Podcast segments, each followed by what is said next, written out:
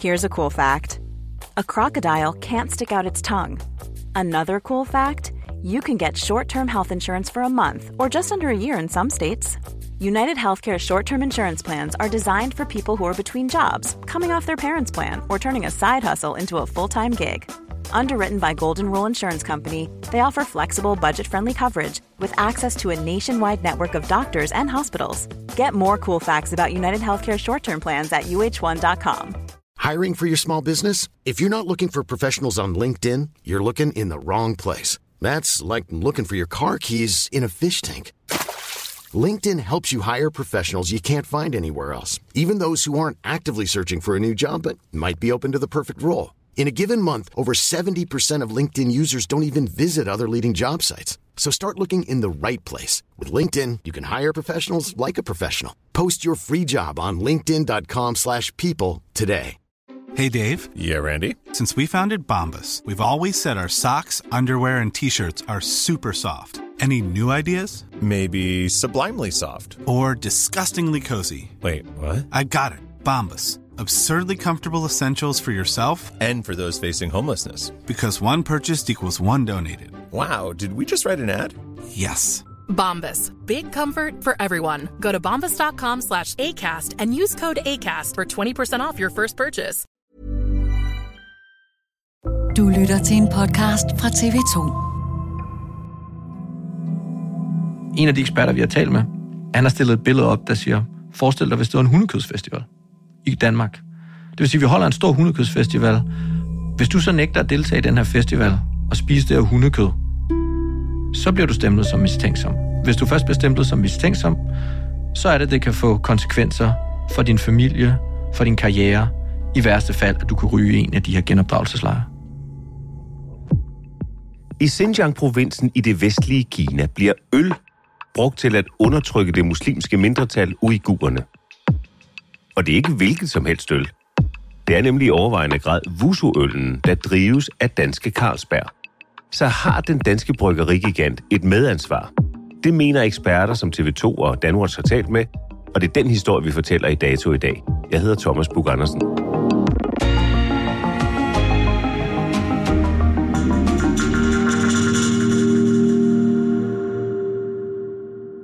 Hver gang der er en stor historie af en eller anden øh, karakter, så står der byline Emil Ellesø Ditzel. Hvad er det, der driver dig i at lave undersøgningsjournalistik? Det var så sagt. Um, jamen, det er, øh, det er jo der, hvor at, at det begynder at blive sådan rigtig spændende detektivarbejde meget af det, ikke? Det her, det er Emil Ellesø Ditzel. Han er undersøgende journalist her på TV2, og han har arbejdet med at grave historier, som muligvis ellers ikke ville have set dagens lys frem i overvis. Den seneste tid har hans fokus været rettet mod Carlsberg og deres Wusu-bryggerier i Xinjiang-provinsen.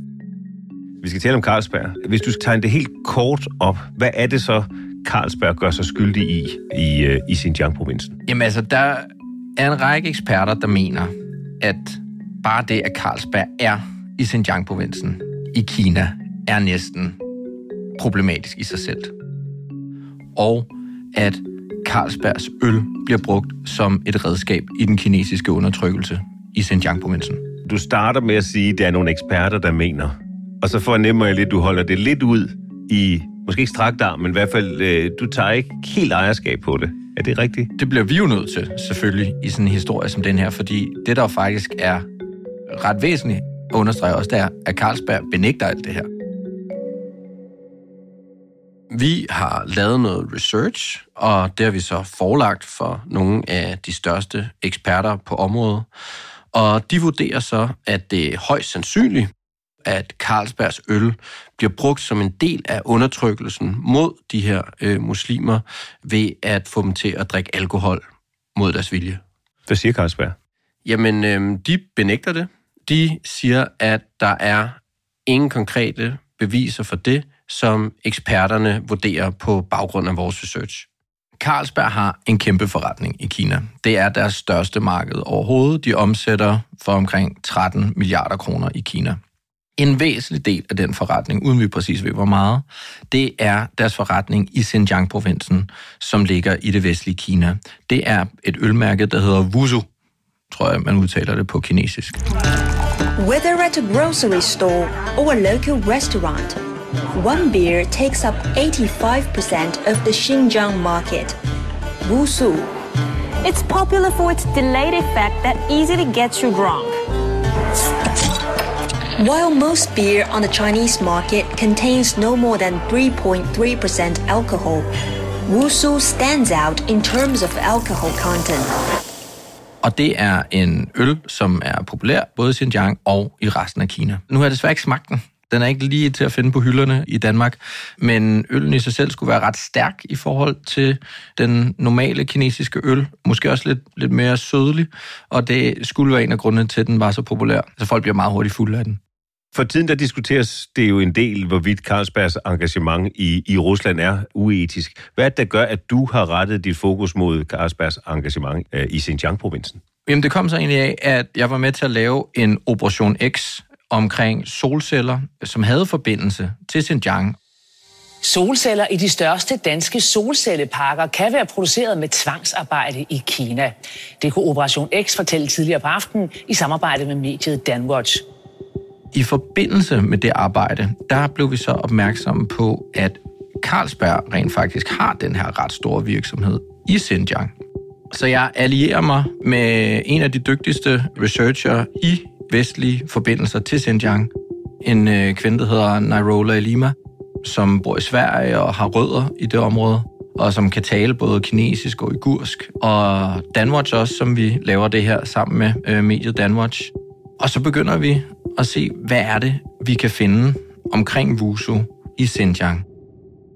Hvad er det for vilkår, uigurerne lever under i Xinjiang? Jeg har aldrig været der, kommer det nok heller aldrig nu, men det, som man hører, det er jo, at det er nogle helt forfærdelige vilkår, som jo involverer i at leve under en politistat, hvor at du ikke kan få lov til at leve sådan, som du gerne vil, men du skal leve efter nogle normer, som, som staten dikterer.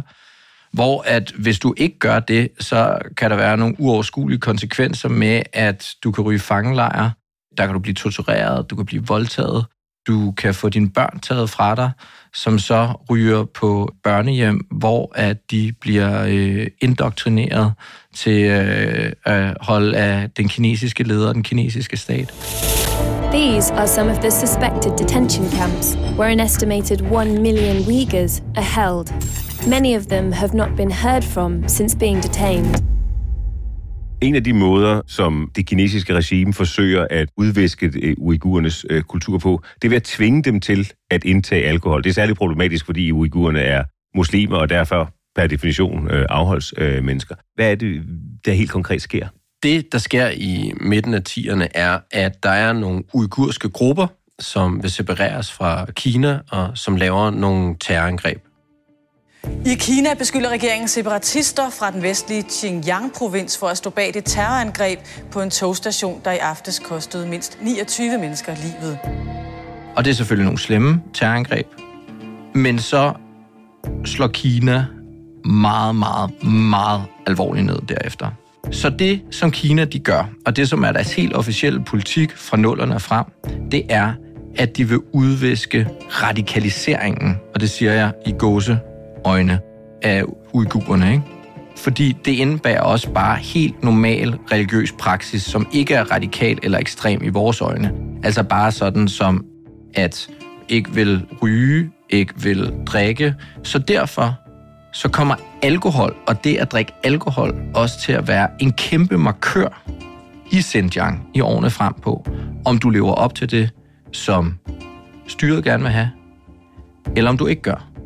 Og konsekvenserne ved ikke at leve op til det, som styret gerne vil have, det er så det, vi lige talte om. Fangelejre, blive adskilt fra dine børn, altså, og måske også bare ikke kunne få et job. Men er det, du siger, Emil, at der er et ønske fra de kinesiske myndigheders regimes side om, at uigurerne faktisk drikker alkohol? Der er et klart ønske. Kineserne vil gerne have, at uigurerne bliver til kinesere, til han-kinesere, som vi kender dem flest der taler kinesisk, der drikker alkohol, der spiser svinekød, som, øh, som man gør i Kina. De vil gerne have hele den her uigurske, oprindelige muslimske kultur fuldstændig udvisket. Og et vigtigt element i det, det er at få dem til at drikke alkohol. Det er et, det er et centralt element. Altså, så derfor så er alkohol blevet, ifølge flere eksperter, til en direkte del af undertrykkelsen af uigurerne. Og hvor ved du det fra? Det ved vi blandt andet, fordi at vi har fået adgang til nogle lækkede øh, dokumenter fra de kinesiske myndigheder. Dokumenter, der ligger til noget, der hedder Xinjiang Police Files, et projekt. Og her kan man simpelthen se begrundelsen for, at nogle af de her uigurer er blevet anholdt af de kinesiske myndigheder. Og der kan man altså se, at der er ret mange uigurer, som er blevet anholdt for ikke at ville drikke, eller ikke at ville sælge alkohol, eller for øh, at have lyttet til foredrag eller religiøse prædikner om afholdenhed. Og på baggrund af det her, så, så øh, mener de eksperter, vi har talt med, at det er sådan ret systematisk, at det kinesiske styre har anholdt folk, som simpelthen ikke vil drikke i Xinjiang-provincen. Derudover så har vi også talt med et øjenvidne, som tilbage i 2015, da han stadig var i Xinjiang, han er siden flygtet, som simpelthen har oplevet det, han beskriver som en tvangstruk seance. Det lyder jo mærkeligt, men det er blevet beskrevet. Han har oplevet, hvordan at der midt under ramadanen, i en meget traditionel lille landsby, som var meget religiøs, lige pludselig ude på gaden sidder en række mænd og holder drikkekonkurrence. Og det er altså under ramadanen, hvor at du hverken må spise eller drikke på dagen, og der er slet ikke alkohol. Og, og, hvad er det for en kilde? Hvem er det, du har talt med, der fortæller det? Jamen, han hedder Abduvelia Ayub. Han er, øh, han er uigur. Han, han flygtede så, øh, efter han havde set det her, øh, kort efter. Undertrykkelsen blev værre og værre. Han havde faktisk også tidligere været i fængsel på grund af hans politiske holdninger. Altså, i dag bor han i Norge. Han er øh, forfatter. Han skal besøge en ven i en lille forstad til byen Kashgar i, i Xinjiang-provincen. På vej hen til sin ven i den her lille by, så kan han lige pludselig se, at der er en række folk, der er stimlet sammen. Der sker noget. Der er også noget, han kan høre nogen tale ind i en mikrofon. The guys are competing for drinking beer. What's going on there? Ramadan time, you should fast this time, and you are drinking there. Og han går så derhen, og så kan han se, at der i sådan en hestesko af borer ude midt på vejen sidder omkring en 20-30 folk og drikker alkohol, drikker øl. Og det er en slags ølkonkurrence, hvor at der for enden af hesteskoen i midten sidder sådan en kinesisk kvinde, der på en mikrofon ligesom opildner dem til at drikke. Klapper af dem, når de har drukket en øl færdig. Og øh, udenom, der står så også folk i paramilitær uniform og folk i, øh, i politiuniform. Hans klare oplevelse af det her, det er, at dem, der sidder og drikker, de kan ikke lide det. De har ikke lyst til det. De øh, skjuler deres ansigt, og de ser ukomfortable ud. Nogle af dem ser lidt bange ud, beskriver han. Men han er så overbevist om det, fordi at han, han beskriver, hvordan han i den her lille landsby, hvor han var på besøg, også havde været der tidligere under ramadanen, der kunne han ikke engang få et mål. Han er ikke selv religiøs. Han kunne ikke engang få et måltid. Hvilken rolle spiller Carlsberg i det? Hvad har det med Carlsberg at gøre? De drikker wusu. They have one common thing on their tables. They all have wusu beer. De drikker Carlsbergs øl. Wusu. Men er Carlsberg nødvendigvis ansvarlig for det? Nej, ikke den der ene drikkekonkurrence. Den kan man ikke sige, Carlsberg er ansvarlig for, fordi at det jo ikke det er i hvert fald ikke noget, vi har nogen anelse om, skulle, skulle være øh, øh, Vusu, der, der tvinger de her folk til, til at sidde og drikke det. Men i det større billede, så mener nogle af de eksperter, vi har talt med, at Carlsberg har et ret stort ansvar, og at de har gjort sig selv til et redskab for den kinesiske undertrykkelse. Hvordan det? Fordi det, man skal forstå, det er, at når de folk, de sidder og drikker i den drikkekonkurrence der, så er det, ifølge de eksperter, vi har talt med, jo ikke fordi, at så bliver de skudt direkte, eller der er nogen, der har hævet dem ud af øh, deres hjem og sagt, nu skal du ned på gaden og drikke marker. Det er jo et mere systemisk pres, der er bygget op af det kinesiske styre i lang tid. Hvor at hvis du viser tegn på at være for muslimsk, så risikerer du at blive stemplet som mistænksom. Så kan det være, at du ikke, dit barn ikke kan på universitetet. Det kan være, at du, du bliver fyret fra dit job. Eller det kan i værste fald være, at du ryger i fangelejre. Så det vil sige, at uigurerne igennem mange år nu ligesom har skulle tage et valg, der hedder, hvordan får jeg vist til det kinesiske styre, at jeg ikke er religiøs? Og det gør man jo blandt andet ved at sige ja tak til en drikkekonkurrence, eller det som Wusu også holder, store ølfestivaler med musik og masser af Wusu-øl. It has even spawned an annual beer festival that takes over the city every summer. Jamen, når man ser billederne af de her ølfestivaler, Wusu Beer Festival, altså, så ligner det jo nogle af dem, altså Grøn Koncert eller Roskilde Festival, ikke? Det er jo popstjerner, der står og synger på en scene med publikum, og så store reklamer for Vusu-øl. Så det ligner jo noget, som de fleste danskere vil forbinde med noget, der, der er godt og rart, ikke? Men det er jo så noget helt andet, end det, det ser ud som, ifølge de her eksperter. En af de eksperter, vi har talt med, han, øh, han har stillet et billede op, der siger, forestil dig, hvis det var en hundekødsfestival i Danmark.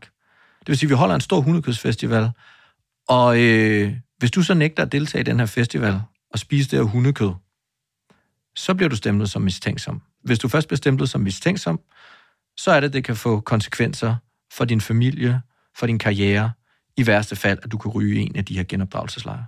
Og det, som de eksperter, jeg har talt med, siger, det er jo så, at det kan du ikke blive ved med at være vidne til som ølvirksomhed, uden at du på en eller andet tidspunkt også har et medansvar. Carlsberg sponsorerer den her ølfestival, men de gør jo ikke noget, at det er jo ikke fordi Carlsberg på nogen måde tvinger folk til at deltage i ølfestivalen, deltage i drikkekonkurrencer eller sælge deres øl. Men når du har en øl, som er 85% af ølmarkedet i hele den her provins, hvor styret tvinger folk til at sælge og drikke øl, så siger eksperterne, at så kan du ikke sidde det overhørt. Så har du også på en eller anden måde et ansvar. Hvad er det konkret, de siger, de eksperter, du taler med, at Carlsberg bør gøre anderledes? De er ikke helt enige i, hvordan at øh, Carlsberg bør gøre ting anderledes. Der er nogle af dem, som mener, at Carlsberg bare skal ud af Xinjiang og aldrig nogensinde vil kunne forsvare at være i Xinjiang, hvis man gerne vil leve op til øh, sin politik omkring menneskerettigheder. Så er der også en af eksperterne, øh, en dansker, der hedder Rune Stenberg, som siger, at Carlsberg burde være dem, der tog føretrøjen på i forhold til at vise andre virksomheder, at man godt kan forsøge at overholde menneskerettighederne i Xinjiang. Det mener han vil være en positiv historie, men han mener også, at det bestemt ikke er det, der sker lige nu.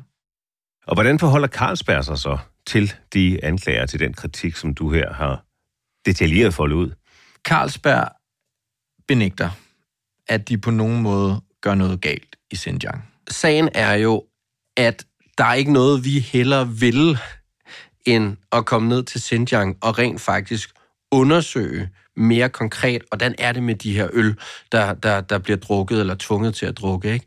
Men vi kan ikke komme til Xinjiang. Vi har spurgt flere gange, og vi har simpelthen ikke fået lov til at rejse ind.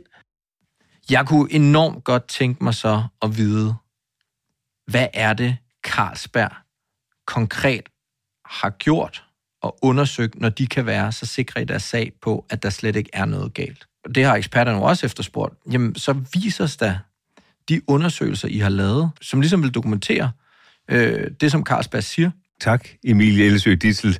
Tak, fordi du endnu en gang øh, har gravet og undersøgt øh, detaljer og en historie frem, som vi ikke ville have kendt til, hvis det ikke havde været for din indsats. Tusind tak for, at jeg øh, måtte fortælle den her også. Dagens episode af Dato er tilrettelagt af Emil Laversen. Lyddesign Leo Peter Larsen, redaktør Astrid Louise Jensen. Jeg hedder Thomas Bug Andersen. På genhør.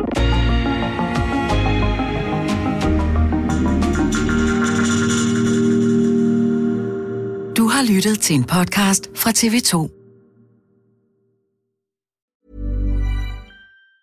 Planning for your next trip?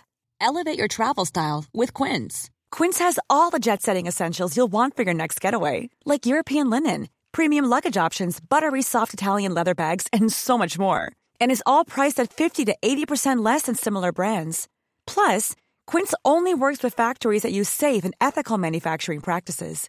Pack your bags with high-quality essentials you'll be wearing for vacations to come with Quince. Go to quince.com slash pack for free shipping and 365-day returns.